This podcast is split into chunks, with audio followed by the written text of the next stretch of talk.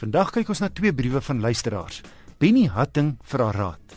Hy kan 'n maksimum van 170 000 rand op 'n kar spandeer. Hy het geruime tyd al sy oog op 'n 2 jaar oue Volkswagen Polo 1.6 teen net mooi 170 000 en sou vroeg vanjaar die transaksie beklink. Maar nou het 'n familielid sake kom die mekaar krap.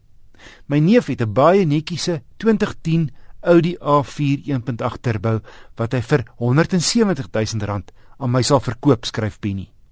Dis nou regtig my droommotor, skryf hy. En hy voeg by dat die 2 jaar oue Polo net so wat 22000 km afgelê het.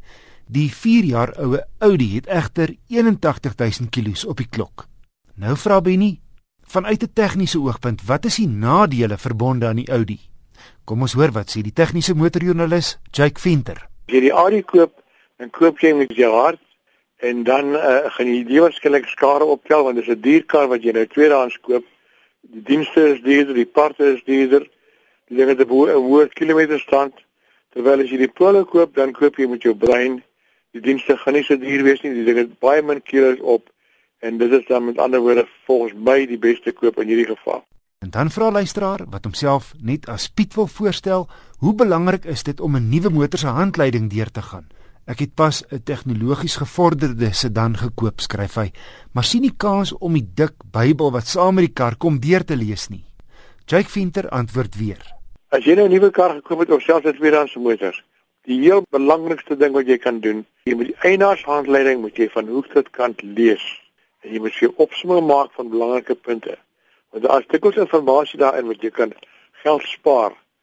Byvoorbeeld, meeste moderne motors sal die lugsak nie uitkom tensy die stikstofgolwe vas is.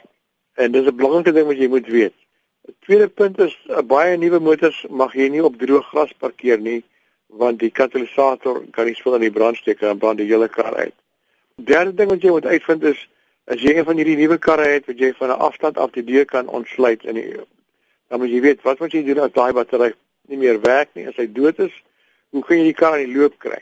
Dis al inligting in die handleiding.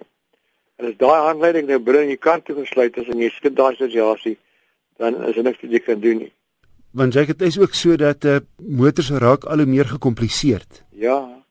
'n Nuwe masjien is sal jy dikwels sê van die handleiding is 2000 bladsye. Hulle moet eintlik vir mense opsomming gee. Hulle moet eintlik 'n opsomming gee van die belangrike punte, ja. Nou as ek nou ander dinge is byvoorbeeld jy vertel as jy moet nie Jy dink staan aan leier in die oggend voordat jy wegry nie. Jy moet dadelik stadig ry. Al sulke dingetjies is is in die handleiding. Die direkte olie wat jy gebruik. Ja. Nou, baie mense ignoreer die handleiding se instruksies te opsigte van dienste en olies en al daai wat goed. En jy jy vat 'n kans want daai ding word opgestel deur mense wat daai kar baie beter ken as enige werkswinkel.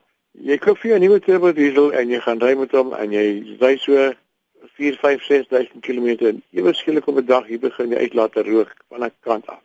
En jy skrik jou vrek. Hoekom sê jy ding nou rook? Hy's nou amper splinter nie. En jy stop en jy kyk jy kan niks verkeerd sien nie. En dan ry jy stadig aan. En 10 minute later is die ou die rook op en hy rook nie meer nie. Al wat gebeur het is die spesiale filter vir die koolstofdeeltjies wat baie moderne diesels het. Dit het tyd geword vir daai filter om homself skoon te brand en dan sal die, die rekenaar sal vir die enjin ekstra brandstof inspuit sodat die die die filter kan skoon brand. Die ekstra hitte sal die filter dan skoon brand en dan rook hy vir daai tyd weg. Dit kan jy lees in die in die eienaar se handleiding. Maar as jy dit gelees het, sê jy weet daarvan nie. So antwoord die vryskut tegniese motorjoernalis Jake Venter. Navraag of opmerkings aan Jake of enige ander motornavraag of motorprobleme kan aan my ge-e-pos word. Die adres is wissel by rsg.co.za. Hier's my wenk van die week. Wees veral versigtig wanneer jy op 'n enkelbandpad verbysteek. Jou kans om 'n botsing waarin albei voertuie teen 120 ry te oorleef is baie skraal. Op die minste gaan daar erge beserings wees. Te veel Suid-Afrikaners is kansvatters. So probeer van jou kant af ekstra geduldig en op jou hoede te wees wanneer daar verbygesteek word. Onthou, spyt kom te laat.